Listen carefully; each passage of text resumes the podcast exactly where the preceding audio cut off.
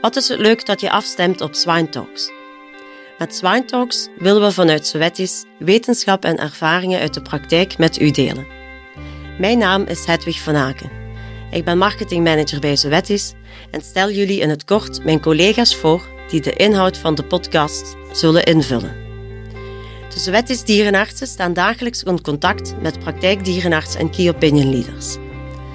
Anne van der Zijpe is varkensdierenarts voor Sowetisch Twan van Berlo is onze Nederlandse Sowjetisch varkensdierenarts en Tom Meijns is verantwoordelijk voor zowel België als Nederland.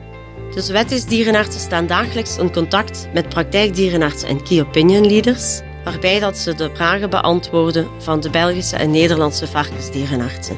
Daarnaast staan ze ook in voor nauwgezette diagnosestelling en geven ze advies over mycoplasma, circo en peers. Ik wens jullie veel luisterplezier. Welkom in onze Swine Talks. Ik ben Anne van der Zijpen en ik zou graag eventjes in detail uh, spreken over Circo veranderd, omdat die toch wel heel belangrijke gevolgen heeft voor heel onze sector. Ik start bij het begin. Circo is Circo. Het komt wereldwijd verspreid voor. Het is eigenlijk een heel eenvoudig, minuscuul klein virus, maar het is absoluut heel slim. waarom zeg ik dat het eenvoudig is? Ik bedoel dan qua opbouw. Het is opgebouwd uit een kapseltje met binnenin genetisch materiaal opgeslagen. Het heeft niet eens een envelop, en geen andere toeters en bellen, dus daarom noem ik het eigenlijk gewoon eenvoudig. Um, om een idee te geven over de omvang van dit virusje, ik noem het een klein virus, uh, wil ik het eventjes vergelijken met andere varkensvirussen. Als je weet dat circovirus uh, een 1700 bazenparen telt, uh, en dit vergelijkt met parvovirus, dat, dat telt al 5000 bazenparen. Maar als je dan weet dat PRSV, 15.000 bazenparen telt, dan kan je wel echt stellen dat Circo een klein virusje is. Wat, wat is het gevolg daarvan? Waarom vertel ik jullie dit? Omdat je kan voorstellen dat als er op zo'n klein virusje een kleine verandering gebeurt, dat dat wel grote gevolgen kan hebben. dat heeft geen buffer meer. Het bestaat al heel lang, dat weten we. We kennen het eigenlijk in onze praktijk voornamelijk vanuit de jaren 2000, omdat er toen eigenlijk klinische uitbraken in onze varkenstapels te zien waren. Um, maar Circo bestaat al veel langer, want ze hebben ook uh, uit bewaarde stalen van de jaren 60 bijvoorbeeld ook al Circo gevonden. Dat leek een stabiel virusje.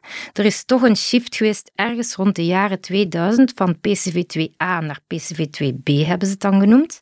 Maar toen leek het erop dat uh, uiteindelijk de commerciële vaccins die gebaseerd zijn op, op het oude type PCV2A toch wel uh, een goede bescherming konden bieden. Wij dachten dat het stabiel was, maar wetenschappers zagen wel dat het anders was. Hè. Zij volgen die uh, evolutie op moleculair vlak heel erg nauw. En ze zien al langer dat het eigenlijk aan het evolueren is naar een heel alfabet. Hè. En waarom doet dat virus dat? Dat virus heeft gewoon een enorme uh, sterke overlevingsdrang.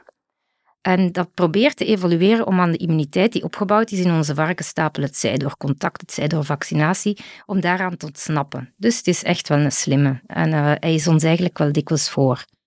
Ondertussen hebben al die wetenschappers daar ook een, een soort benaming aan moeten geven. Ze hebben dat opgedeeld in een familie met verschillende subtypes om elkaar te begrijpen. Hè. Uh, we hebben ondertussen al een heel alfabet, A, B, C, D, E en noem maar op. Ik heb onlangs in West-Vlaanderen een uh, PCV2H-stam teruggevonden.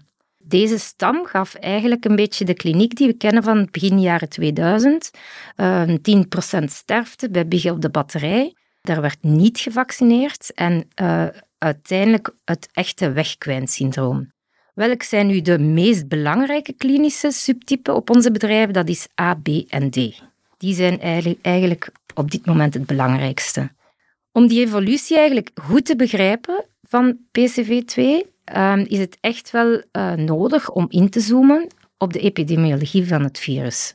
Circo is eigenlijk een echte opportunist zeg maar zelfs een parasiet. Dat is een beetje um, tegenover het virus gegeven staande. Uh, het virus zoekt sterk mitotische cellen. Dat heeft hij nodig. Hij kan niet zichzelf voortplanten.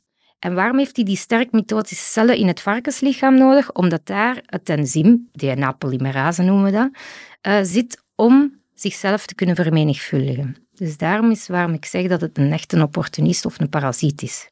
Daarom zoekt hij ook als doelcel die sterk mitotische cel. En zijn grote voorliefde gaat uit naar een blastocyst. Wat is een blastocyst? Dat is eigenlijk gewoon een voorloper, een stamcel van een lymfocyt. Een lymfocyt kennen we allemaal als een belangrijk onderdeel van het afweer van het varken. Hoe meer dat uh, uw varken zijn immuniteit aangewakkerd wordt, hoe meer dat die blastocysten gaan ontwikkelen naar rijpe lymfocyten om dat varken te gaan beschermen. Dus dat heeft nu juist PCV2 nodig om zichzelf te gaan voortplanten. Hoe gaat dat nu? Dat gaat niet zomaar daartegen kleven en zijn werk kunnen doen. Die, uh, dat gaat er op een hele specifieke manier. Gaat dat virus eigenlijk aan de targetcel, de blastocyst in de eerste plaats, maar ook uiteraard andere cellen waar die DNA-polymerase aanwezig is, gaan binden. Hè? Um, dat gaat een, een hele specifieke binding zijn tussen het kapsel van dat eenvoudig klein virusje en die targetcel, die heeft op zijn um, op zijn buitenwand een negatief geladen receptor. We noemen dat, dat is chondroïtinesulfaat. En dat is een negatief staartje dat daar hangt te zweven en eigenlijk welkom zegt tegen dat PCV2-virus. Waarom? Omdat Circo op zijn buitenkapsel bepaalde plaatsen heeft waar dat die positief geladen is. En het is dus eigenlijk een hele eenvoudige plus-min-binding die maakt dat Circo in zijn targetcel geraakt. Je kan natuurlijk ook uh, voorstellen dat, dat uh, hoe geladen dat, dat is, dat dat ook bepaalt hoe sterk dat die binding zal doorgaan. Daarom is het echt wel belangrijk om ook eens verder in te zoomen op dat kapselke van dat kleine virusje. Dat kapsel is opgebouwd, dat is eigenlijk lumineus uh, hoe dat in elkaar zit, dat klein virusje. Dat is opgebouwd uit 60 dezelfde plaketjes. En die plaketjes noemen we kapselmeren.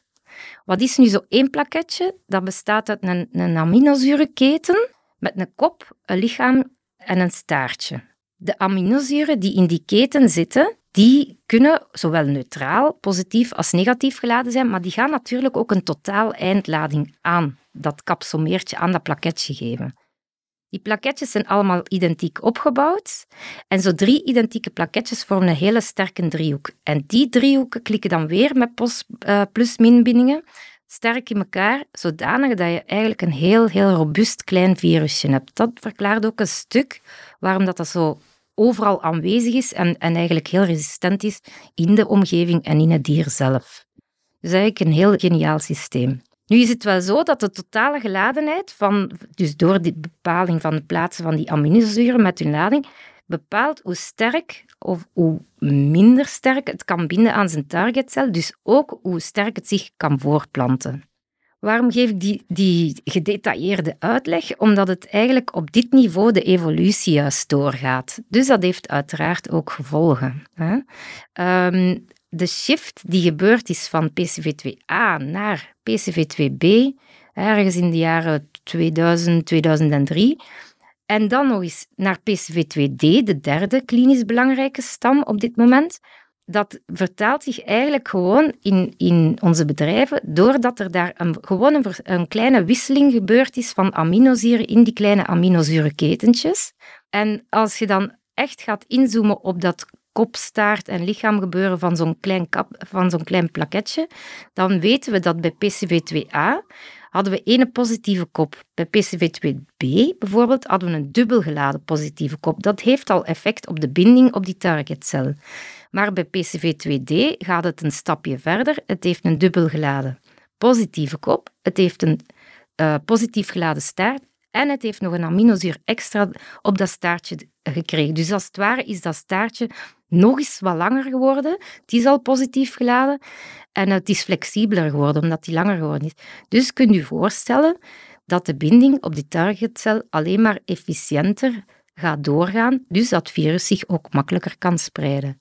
Dat is eigenlijk de verklaring waarom dat wij nu um, zelf bij gevaccineerde dieren soms terug uitbraken zien. Het zij subklinisch, maar we hebben ook uh, in ons prevalentieproject, waar dat we eigenlijk die evolutie in beeld gaan brengen zijn in onze regio, gezien dat PDNS eigenlijk vaak aangegeven wordt uh, op bedrijven waar PCV2D alleen of in combinatie met andere types een rol speelt.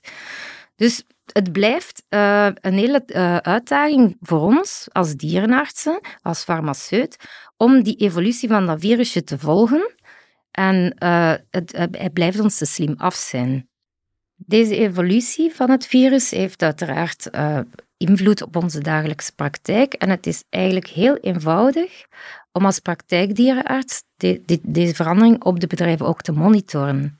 Dus als je maar zoekt naar Circo, dan ga je hem ook wel vinden. Maar we zijn ondertussen zover dat we heel eenvoudig op basis van een uh, subtyping PCR-ABD kunnen uh, in beeld brengen welke types op uw bedrijf een rol spelen op welk moment. We danken u van harte voor het beluisteren van deze Swine Talks en verwelkomen u graag in een volgende episode.